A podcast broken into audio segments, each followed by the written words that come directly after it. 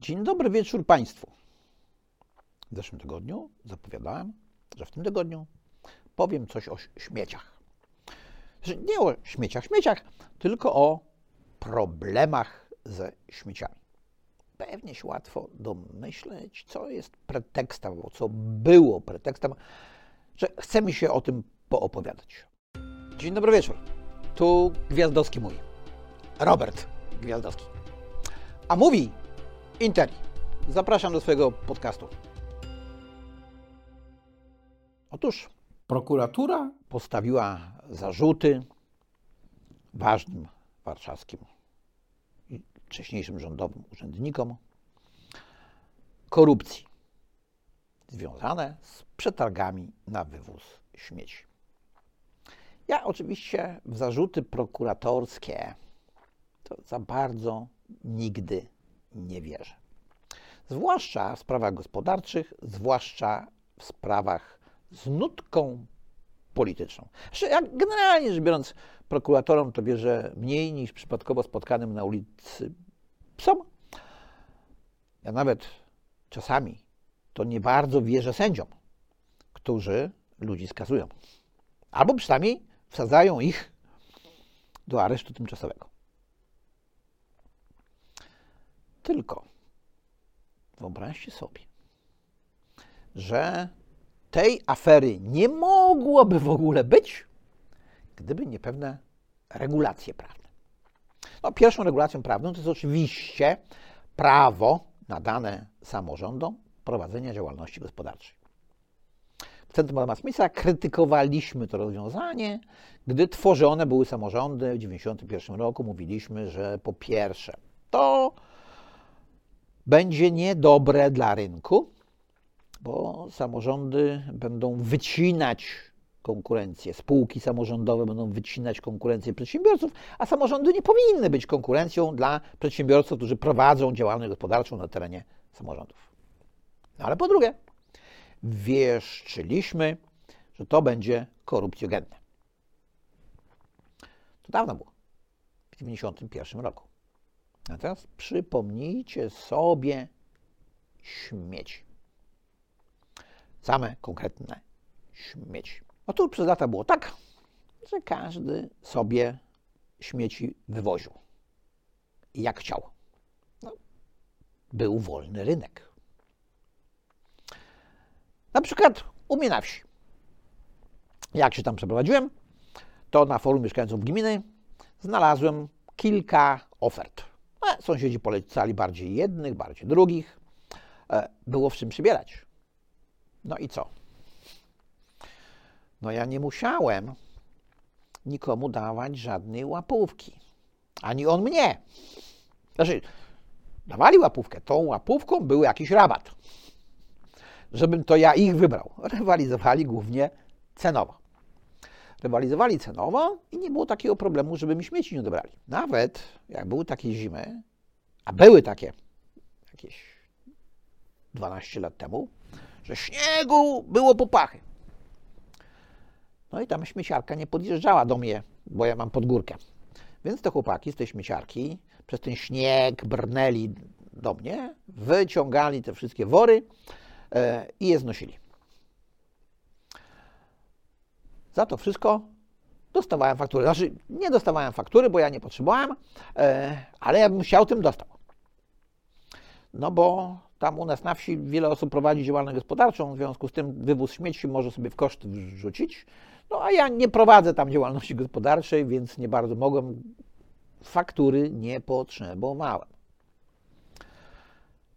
No i nagle tak gdzieś koło roku 2011 pojawiło się mnóstwo artykułów prasowych, medialnych, jak to wstrętni ludzie wyrzucają śmieci do lasu. Zatrzęsienie. Jakby zaczęli je wyrzucać właśnie wtedy. I nie wyrzucali ich wcześniej, a zawsze je wyrzucają. Jak się koło mnie idzie do lasu, to te kupy ze śmieciami y, są w tych samych miejscach, czasami je zmieniają, ale generalnie rzecz biorąc, tych śmieci jest tyle samo. tymczasem regulacje nowe wprowadzono po to, żeby ludzie nie wyrzucali śmieci do lasu. Jak dzisiaj sobie czytamy różnego rodzaju informacje, między innymi lasów państwowych, które to lasy państwowe co roku wydają około 20 milionów złotych na wywóz śmieci z lasów, a i tak nie wywożą wszystkich przecież, e, no to oznacza, że dalej, mimo tych nowych regulacji, ludzie wyrzucają śmieci do lasu. O co więc chodziło? No może właśnie o to, że spółka miejska organizuje przetarg, zwłaszcza w dużym mieście, bo proszę Państwa, u mnie na wsi, no trochę trzeba na wywóz śmieci wydać, to prawda. No, ale nie tyle, co w takim mieście stołecznym Warszawa. Prawda? Za każdym razem, jak pojawia się jakaś regulacja, to ona nie pojawia się tak zupełnie bez żadnej przyczyny. Niektóre przyczyny bywają racjonalne. No bo generalnie rzecz biorąc, rzeczywiście ludzie wywalają śmieci do lasu. Ale jakby tak poustawiać pułapki. No bo tam koło mnie w lesie jest wiele pułapek, w cudzysłowie, na zwierzęta. Są zastawiane tam, gdzie te zwierzęta dzikie sobie chodzą. Pewnie z tych 20 milionów, co to lasy państwowe wydają na e, sprzątanie tych śmieci, jakby tak parę milionów przeznaczyły na ustawianie tych pułapek w tych miejscach, gdzie potencjalnie najłatwiej wyrzucić śmieci, to biorąc pod uwagę kary za nielegalny wyrzut śmieci, które z całą pewnością można zaostrzyć, można podnieść, by się zbilansowało i to bardzo szybko. No bo ci ludzie rzeczywiście śmiecą. To widać nie tylko w takich lasach, proszę Państwa. Ja w Tatrach kilkakrotnie brałem udział w takiej akcji Czyste Tatry. I tam się szło na jakiś szlak z torbami i zbierało śmieci.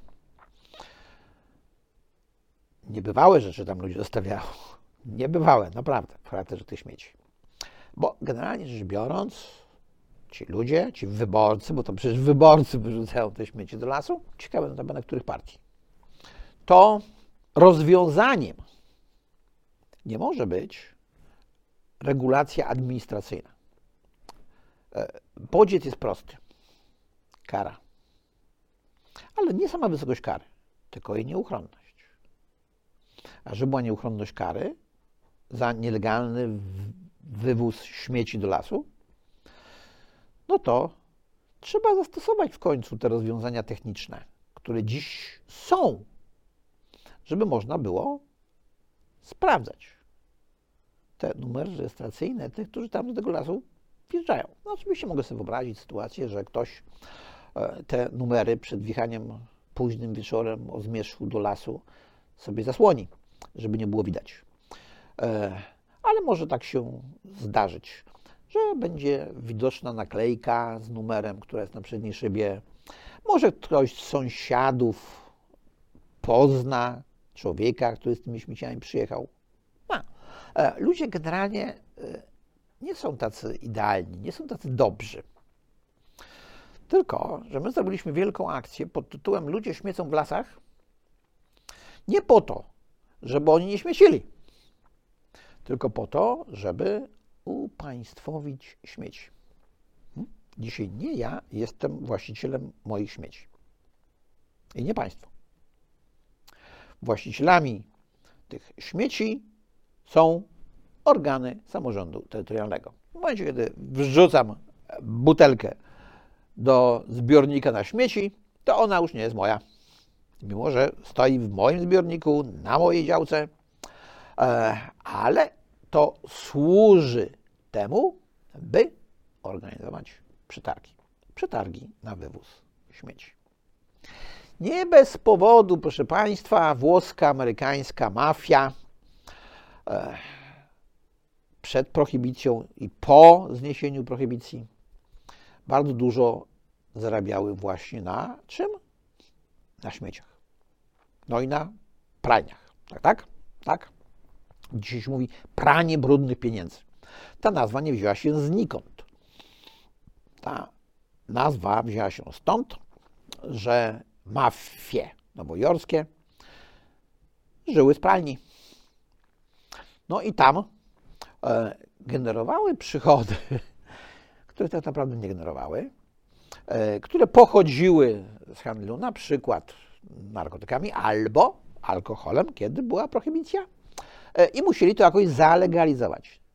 No i dlatego robili to w pralniach. No bo jak przypilnować, ile tu rzeczy w tej pralni wyprano? Ile przywieziono, ile wywieziono? Stąd to pojęcie. Są takie obszary, na których mafia się świetnie czuje i świetnie funkcjonuje. Są takie obszary, dzięki którym, dzięki którym korupcja świetnie kwitnie.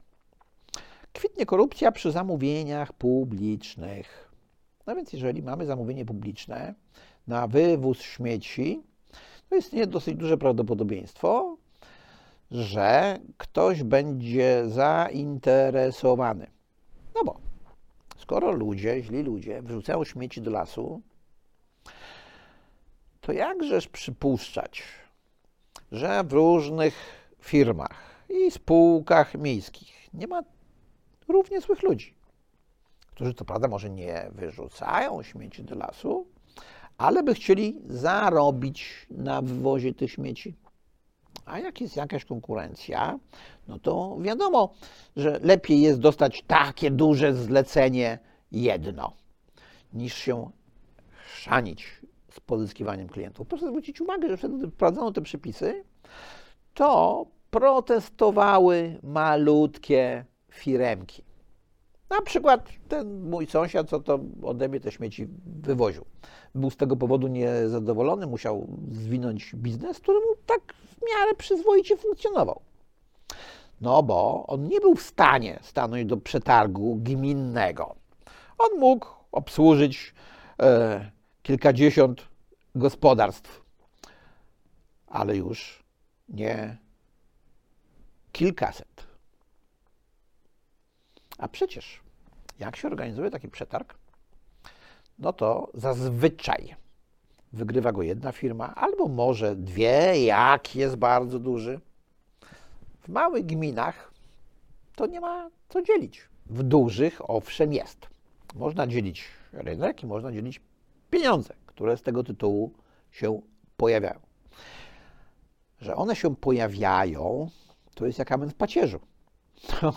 Bo skoro ludzie wyrzucają śmieci do lasu, to na pewno są też tacy ludzie, e, którzy dają i biorą łapówki. Bo to nie jest tak, że źli są tylko jedni, a jakaś grupa, niespecjalnie nawet wyselekcjonowana, tylko całkiem przypadkowa, jest tych złych całkowicie pozbawiona, zwłaszcza gdy ma instrumenty do podejmowania pewnego rodzaju działań niestandardowych. Czy jest jakaś szansa na to, żeby coś z tym zrobić? No, ja od początku twierdziłem, że e, gminy nie powinny móc prowadzić działalności gospodarczej. Gminy powinny być zleceniodawcą. Góra. Tylko, że w naszych samorządach, w wielu, zwłaszcza w Polsce B, pojawiły się różnego rodzaju układy, układziki, do których ludzie jakoś się musieli dostosować. I się dostosowali. I dzisiaj to jakoś funkcjonuje. Funkcjonuje może nie zbyt legalnie, może nawet bym powiedział nielegalnie. Może na bakier z zasadami moralności, ale funkcjonuje. A że to na bakier z zasadami moralności i zasadami prawa, to jest jednak wina ustawodawcy. Tego, który tworzył przepisy o samorządzie terytorialnym i upoważnił samorząd terytorialny do prowadzenia działalności gospodarczej. Na przykład wiele gmin w dużych miastach, zwłaszcza w Warszawie, uwłaszczyło się na nieruchomościach. Więc największym właścicielem nieruchomości w mieście stołecznym Warszawa jest miasto stołeczne Warszawa. Nie jakiś tam deweloper, o którym opowiadałem w ubiegłym tygodniu, czy jakiś y, potentant z rynku y, budowlanego albo mieszkaniowego. Nie, nie. Miasto stołeczne Warszawa. Ono ma swoje zasoby, którymi dysponuje jak? Po uważaniu. No bo trudno to określić inaczej.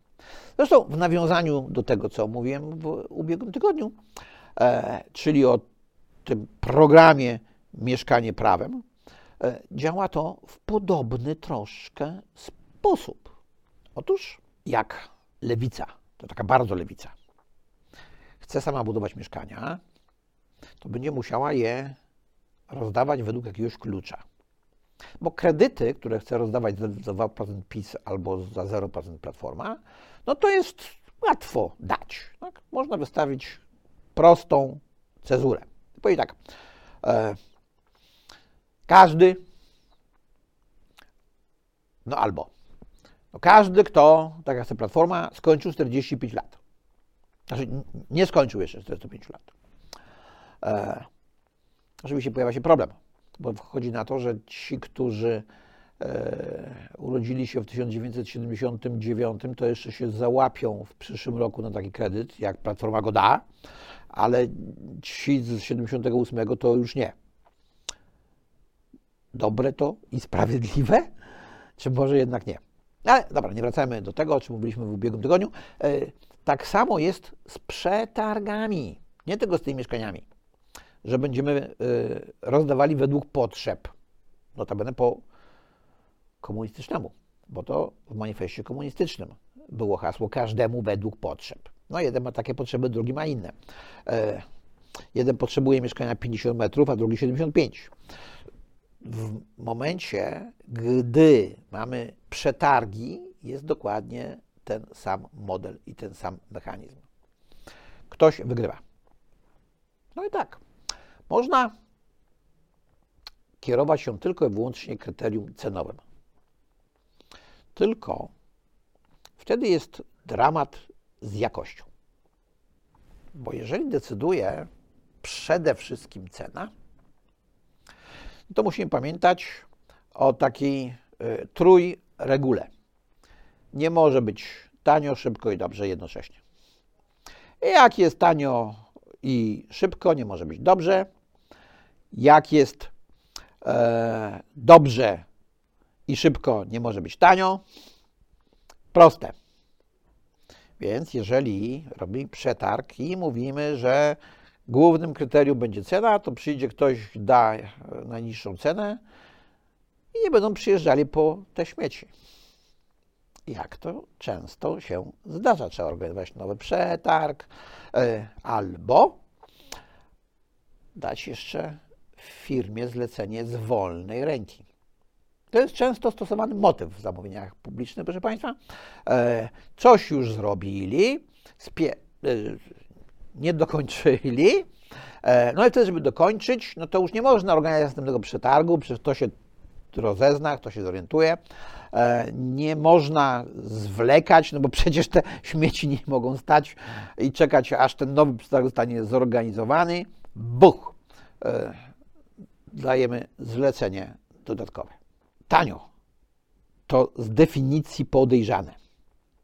A nie wiem dlaczego polski ustawodawca upiera się, że to właśnie kryterium cenowe ma być tym najważniejszym w zamówieniach publicznych, a już w szczególności upierają się przy tym kryterium ci, którzy dokonują zamówień publicznych.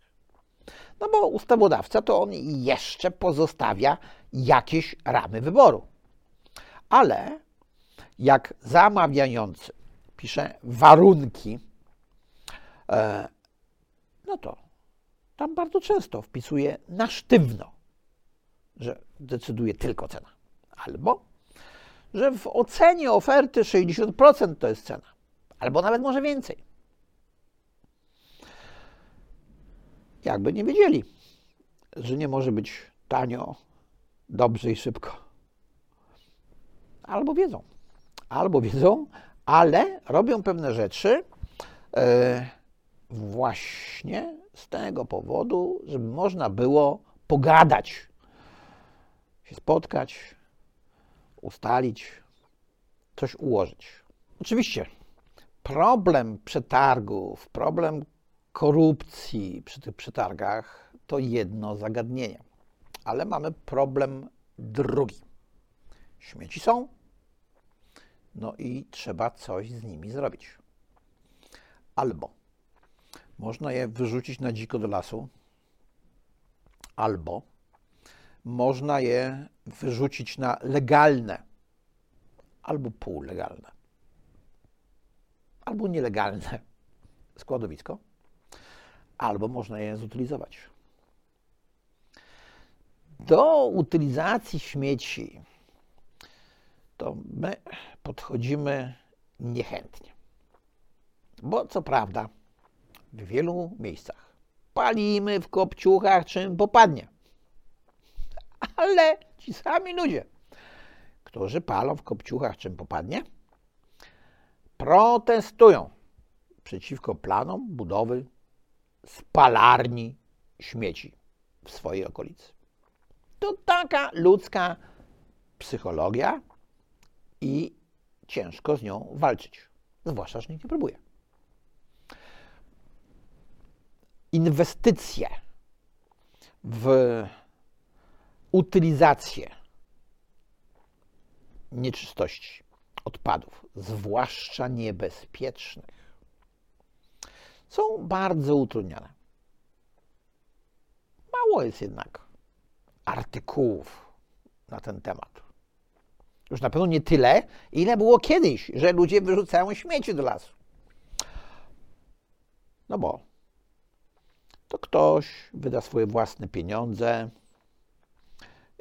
Pole do korupcji małe. To może dlatego. No i pole do zarobku też nie takie duże. W odróżnieniu zupełnie od na przykład wiatraków. Proszę Państwa, ileż to artykułów o tym, że wiatraki trzeba stawiać blisko siedlisk ludzkich. A w ogóle nie ma artykułów o tym, że e, może nie tak blisko jak wiatraki, nie 500 metrów od czyjejś chałupy, tylko trochę dalej. Trzeba móc postawić jakąś spalarnię śmieci, która będzie oczywiście spełniała pewne normy. Więc problem śmieci jest problemem kompleksowym, który wymaga kompleksowych rozwiązań. Ale z całą pewnością nie mogą być to rozwiązania takie, które przyniosą korzyść komuś konkretnemu. Bo przypomnę, że warunkiem praworządności, przecież Polska jest demokratycznym państwem prawnym urzeczywistniającym zasady sprawiedliwości społecznej, zgodnie z artykułem 2 Konstytucji, prawo musi być ogólne, czyli nie może być stosowane do jakichś konkretnych grup. Często jest u nas inaczej. I to prawo jest stosowane w interesie jakichś konkretnych grup, a nawet stanowione jest w interesie różnych konkretnych grup. Trzeba jednak połączyć jedno z drugim. Zacząć od tego procesu, od którego zaczęto. Kto jest właścicielem śmieci? Skoro już uznano, że to gmina jest właścicielem moich śmieci, jak ja je wyrzucę, e, no to teraz zakończmy ten proces i doprowadźmy do tego, żeby zlikwidować tak zwaną lukę inwestycyjną, bo o tym mówią przedstawiciele branży. Luka inwestycyjna to jest luka między zapotrzebowaniem na e, utylizację odpadów, a technicznymi możliwościami utylizacji tych odpadów. To prawda, jak niektóre bogate kraje, moglibyśmy wysłać te nasze śmieci do Afryki i zapłacić. Problem polega jednak na tym, że my te śmieci importujemy. Czyli nas niektórzy traktują jak Afrykę. Śmieszne to jest bardzo, e, mimo że to straszne jest jeszcze bardziej. Kto jest temu winny? No, natura ludzka, po pierwsze. Wyrzucamy śmieci do lasu. Nie chcemy mieć nowoczesnych spalarni w okolicy oraz przepisy prawne. Przepisy prawne, które utrudniają ściganie tych, którzy wyrzucają śmieci do lasu, które utrudniają procesy inwestycyjne w utylizacji odpadów, e, a które za to ułatwiają branie łapówek. To tyle. Dzisiaj o tych śmieciach. O czym będzie w przyszłym tygodniu, to jeszcze nie wiem. Dziękuję bardzo i do usłyszenia. I do zobaczenia dla tych, którzy nie słuchają, tylko również oglądają wideobloga. Na dziś to już by było na tyle. Dziękuję bardzo i zapraszam na następny odcinek.